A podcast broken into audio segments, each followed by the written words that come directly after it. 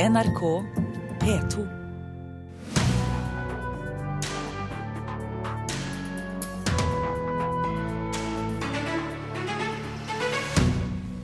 Arrangørene av VG-lista Topp 20 advarer foreldre mot å sende barna alene på kveldens show. 100 000 mennesker er ventet til Rådhusplassen.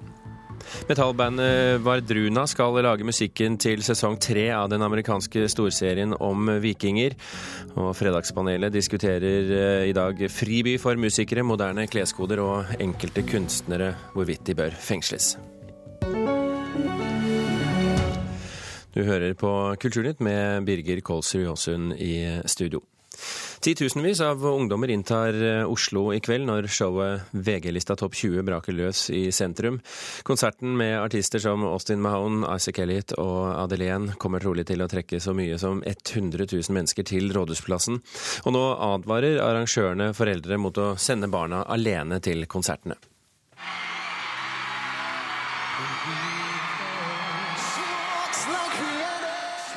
Slik hørtes det ut da 50 000 mennesker jublet for britiske The Wanted under fjorårets konsert på Rådhusplassen i Oslo. I år ventes det enda flere mennesker til VG-lista Topp 20. Vi har ifølge oss selv gjort den beste bookinga noen gang, eh, og også den yngste.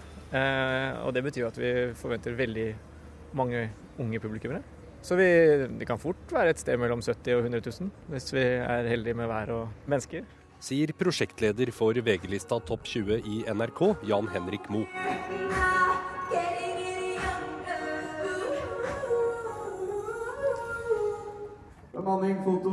Artisten Julie Bergan sjekker lyden på scenen før kveldens konsert. VG-lista Topp 20 har vokst til å bli et gigantshow siden det ble arrangert første gang i 1998. I kveld kommer ungpikeidoler som Isaac Elliot og Austin Mahone til å fylle Rådhusplassen med titusener av hylende ungdommer. Og da er det viktig at foreldrene er med for å passe på, sier Mo. Mange foreldre velger å sende dem ned på egen hånd.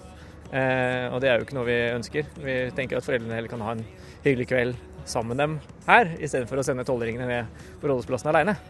For selvfølgelig er det supertrygt å være her, men, eh, men vi mener jo fortsatt at eh, unge barn, altså 10-12-åringer, skal være her sammen med foreldrene sine eller eh, noen andre som følger dem. For det kommer et sted mellom 50 og 100 000 mennesker, og det kan alltid være situasjoner der barn trenger noen voksne. Så det er i hvert fall vår oppfordring til de der hjemme å bli med, og ikke istedenfor å sitte hjemme. Reporter i denne saken, det var Halvor Haugen. Og allerede nå i morgentimene, klokken er jo knapt eh, noen minutter over åtte, så er det noen ivrige fans eh, av ungpikeidolene Austin Mahone og Isaac Elliot eh, som har kommet til Rådhusplassen, forstår jeg. Vår popreporter for dagen, Sølvi Fosseide? Ja, her står jeg, og her har jeg med meg to unge damer som har vært her siden klokka fire i morges. Så de er virkelig tidlig ute. Det er Sandra Strand, 14, og Pernille Nilsen, nesten 15 som eh, har kommet med for å prate med oss. Og de, de, fryser, det er kaldt, det er surt her, og dette blir litt av en dag. Hvem er det du er her for, eh, Pernille? Austin. Hva med deg, Sandra? Eh, Isa, Cody og Austin. Hvorfor det? Eh, fordi jeg er veldig stor fan. Og hvorfor? Fordi de er idolene mine. Jaha, nå har vi fått forklaring på det. Hvorfor var det nødvendig å komme så tidlig, klokka fire? Sandra? For jeg hadde lyst til å komme fremst ved scenen. Ja, det har du klart. Hva med deg, Pernille? Jeg har lyst til å være helt forrest. Og ja. Det er veldig orden på køen her foreløpig. Da jeg kom for en halvtime siden, så var det tolv mennesker her. Nå er det noen og 30, så det øker fort på. Det er en vakt som går rundt og passer på at jentene nå stiller opp tre og tre og setter seg på et dertil egnet sted, så ikke de blir overkjørt av krepp. Ja. Eh, har du hørt om at eh, du skal være forsiktig, at barna kan bli redde utover dagen her fordi det blir så veldig trengsel, eh, Sandra? Eh, nei, jeg har ikke hørt det. Hva med deg, Pernille? Nei, jeg har ikke hørt noe om det. Har, har dere vært på konserter som gjør at dere er litt engstelige for det sjøl? Ja. Ja, få høre. Ja, for Justin Bieber-konserten. Jaha. Og Justin Bieber, var du der òg? Nei, det var jeg ikke. Var du glad for at du ikke var der? Eh, ja, jeg tror det. Ja, det var ganske tøffe tilstander her. Eh, hva blir verst her i dag, tror dere? Nå står dere jo og grøsser begge to. Du har bare en tynn genser på deg, Sandra. Det er jo ikke bra. Eh, blir, dere slipper ikke inn før klokka seks. Det blir mange timer i kø på bakken, på steinen. Ja, eh, det blir veldig kaldt. Pernille avslutter med at det blir veldig kaldt, og de ser ikke ut som de gleder seg så veldig til akkurat det. Takk for oss her fra Rådhusplassen.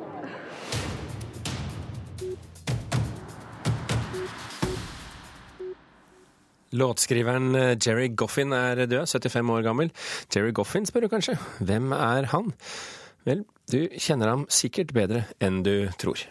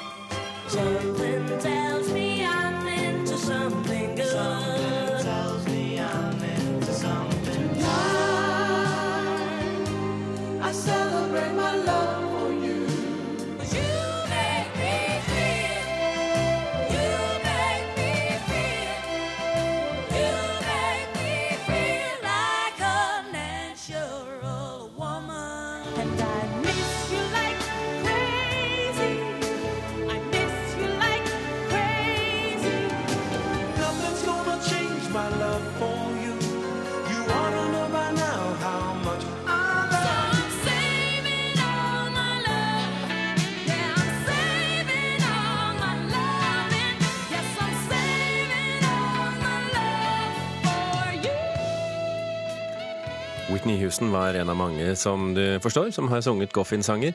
Jerry Goffin var på 1960-tallet gift med Carol King, som han også skrev noen hitlåter sammen med, bl.a. en av dem du hørte her, Will You Love Me Tomorrow. Sju av Goffins låter nådde helt til toppen av Billboards singelliste, og han er sammen med Carol King innlemmet i Rock'n'Roll Hall of Fame. Etter måneder og år med rykter, rykter, patentavsløringer og atter rykter, ser det nå ut til at teknologifirmaet Apple endelig setter sin såkalte smartklokke i produksjon. Ifølge kilder i industrien så starter masseproduksjonen i juli, skriver Reuters i dag. Og i pressen har klokken fått navnet iWatch. Det forventes at den i tillegg til tiden skal være koblet til både internett og andre Apple-dingser du måtte ha med deg. Apple kommenterer som vanlig ingenting. I dag åpner Europride i Oslo. Hovedstaden tar over stafettpinnen fra Marseille, som arrangerte Europride i fjor. Festivalen varer en hel uke og toppes med parade gjennom Oslos gater neste helg. Det sier Bård Nylund, leder av Landsforeningen for lesbiske, homofile, bifile og transpersoner. Det er jo en lang uke har foran oss, eh, og den starter i dag. Med, og denne helga her er liksom via til politikken på Litteraturhuset med, med Pride House, med mange ulike debatter, mye ulike temaer som man kan gå på. Og så er det utover i uka på onsdag åpner festivalområdet på Rådhusplassen. Der er det mange forskjellige organisasjoner, politiske partier og andre som har ulike stands. Man kan drikke øl og spise mat og treffe nye folk og gamle venner. Og så er det selvfølgelig paraden neste lørdag, som jo er kanskje den største happeningen.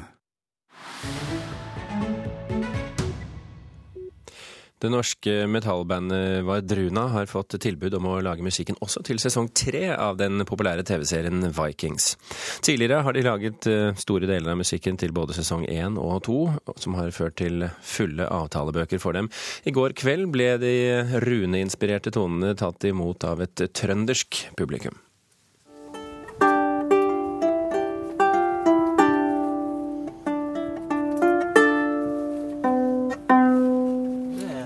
En Kravik lyre, som er Norges eh, eldste funne strengeinstrument.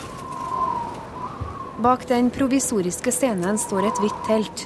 Nordavind tar tak, og flere hemper på teltduken spretter opp. Teltet er backstage, med vin, øl og mat.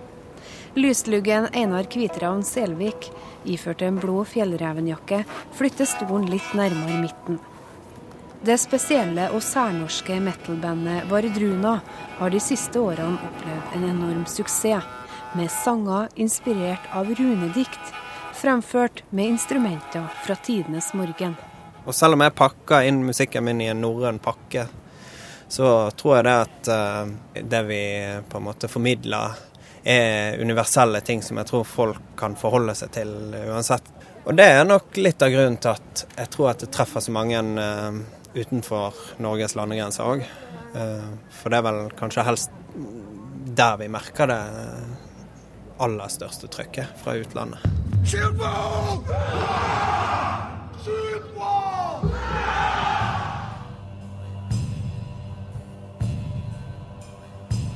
Og en av årsakene til suksessen er at Vardruna har laga store deler av musikken i sesong 1 og 2 i TV-serien Vikings, som sendes på History Channel og HBO bl.a., og betegnes som en suksess.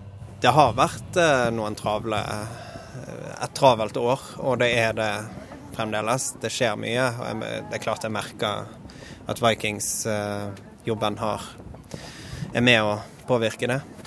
Største eh, utfordringen for et, eh, for et eh, band eller musikalsk prosjekt i dag, det er jo å, bli hørt og sett. Og dette har vært en stor sjanse for oss.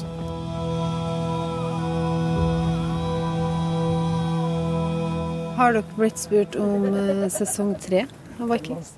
Eh, ja, altså det Ja, vi snakker om det. Og hva sier du når du snakker om det?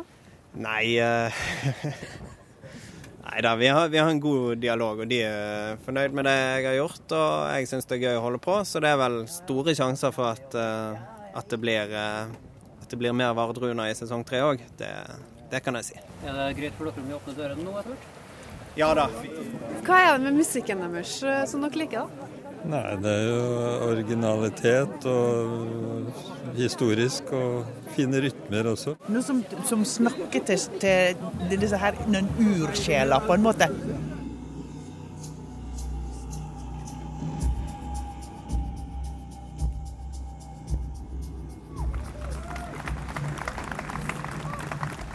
Hva er framtida til Vardruna? Nei, det er masse ting. eh, Nå skal vi holde på med bestillingsverk til grunnlovsjubileet, som skal som skal ut i, Eller som skal fremføres i september. Det ble veldig spennende. Jeg har tonnevis av ting jeg har lyst til å gjøre etterpå, så det Jeg, eh, jeg ser vel for meg at jeg kommer til å bli gammel med dette.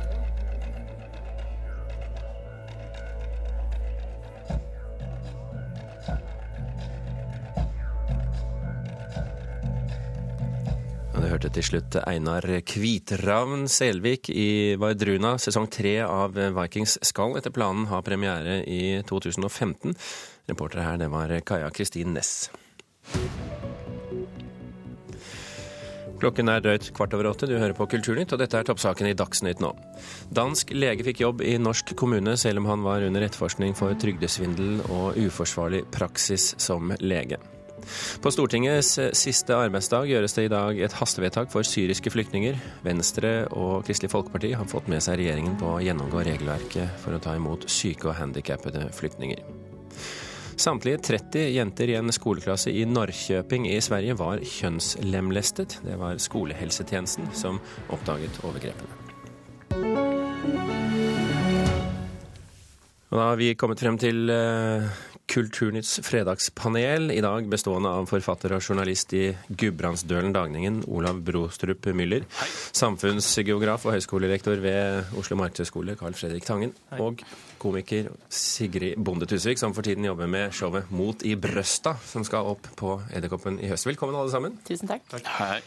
Vi hører deg fra Lillehammer, Olav, så du kan eh, ta det med ro. Det er godt. Ja, det er godt. Eh, Vi begynner med første spørsmål. Denne uken kom det frem at det ikke blir fribyordning for forfulgte musikere likevel. Norge har en fribyordning som gir forfulgte forfatteroppholdstillatelse, men musikere blir det altså ingenting av. Spørsmålet er er det riktig at forfattere skal få fribyordning, men ikke musikere? Vi kan begynne med deg, Olav.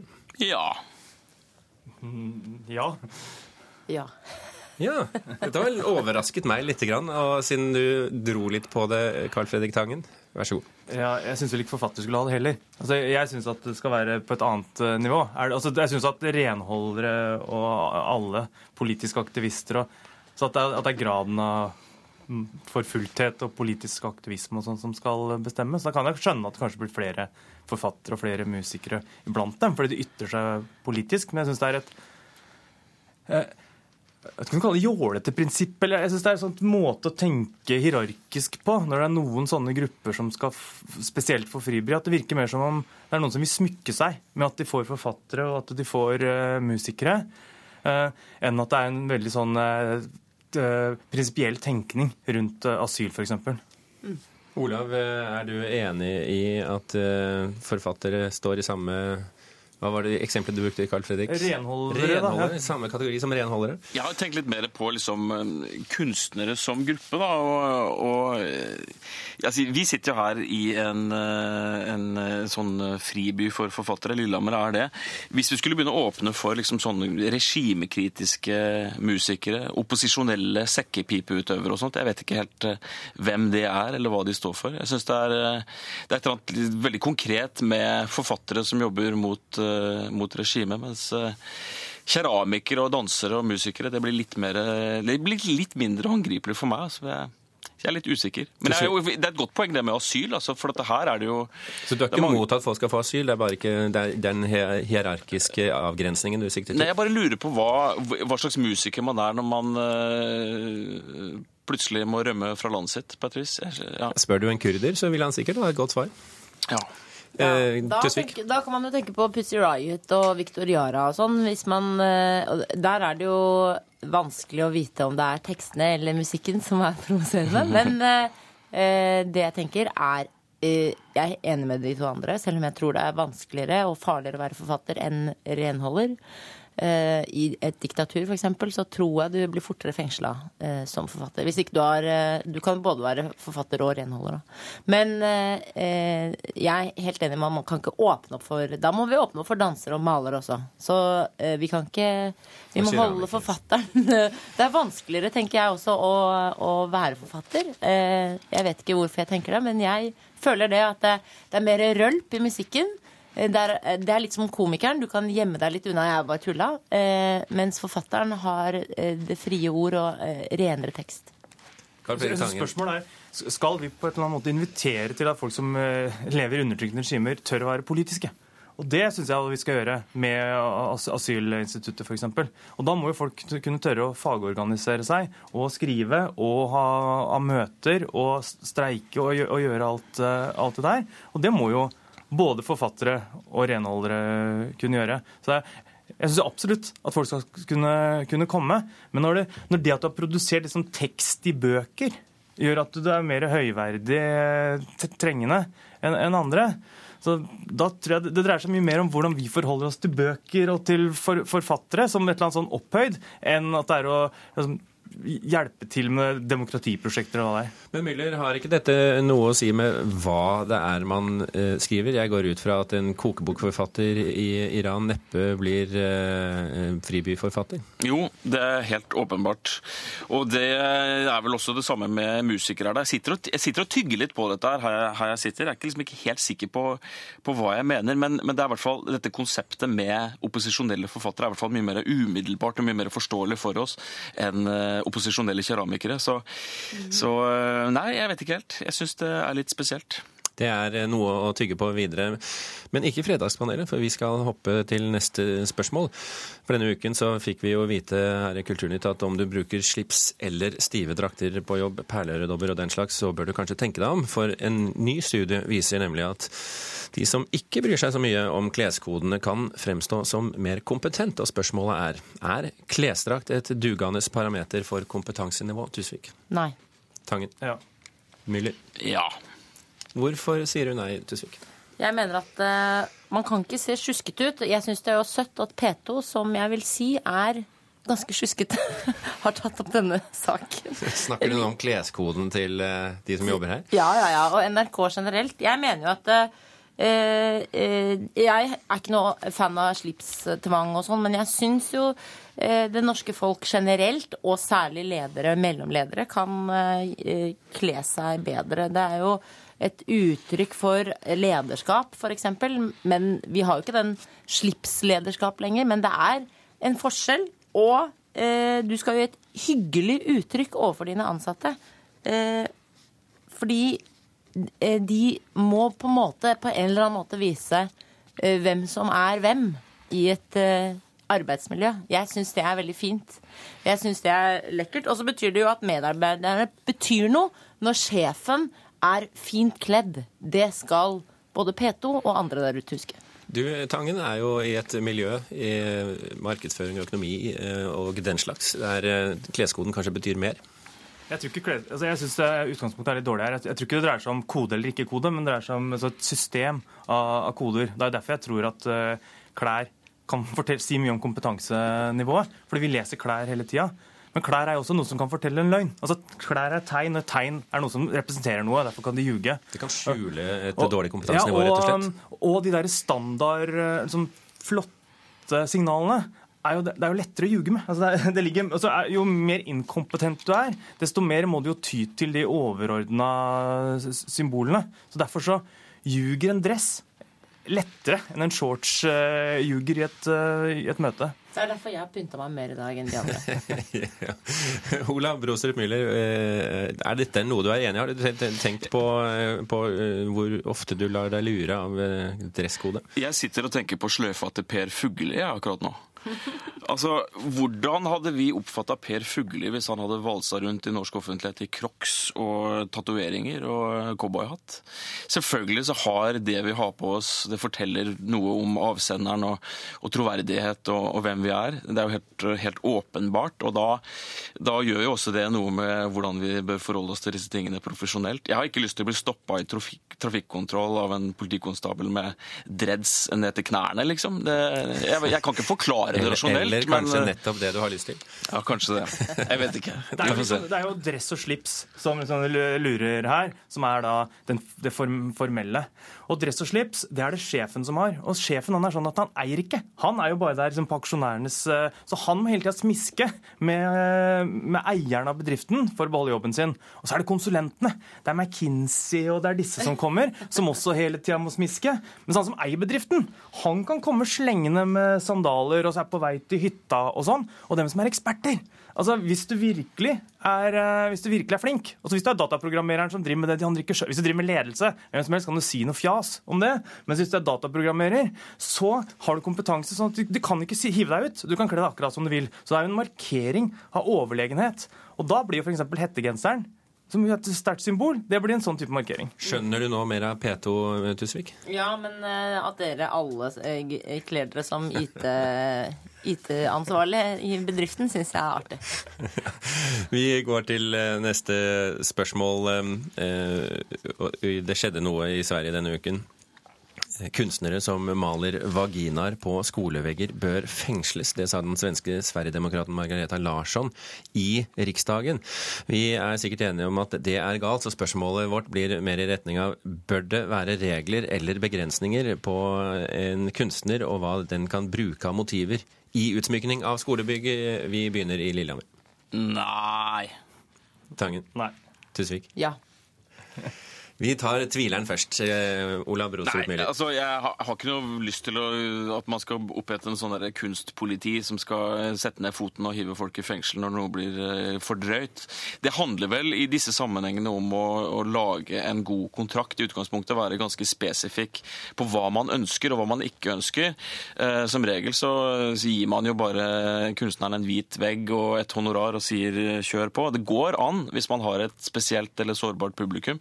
F.eks. på et sykehus eller på en, eh, en skole, et sted hvor det er barn, så må det kunne gå an å sette noen ganske konkrete og spesifikke eh, krav til, til eh, kunsten. Liste over ting man ikke skal male. ja, altså I dette tilfellet her så var det da Jimmy Åkesson i Sverigedemokraterna, det var hans svigermor, etter det jeg har forstått, som, eh, som sto for dette utspillet. Og et eller annet sted i bunnen av grumset hun kom med, så er det en reaksjon mot overseksualiseringen av samfunnet og alt det sexpresset særlig ungdom står midt i.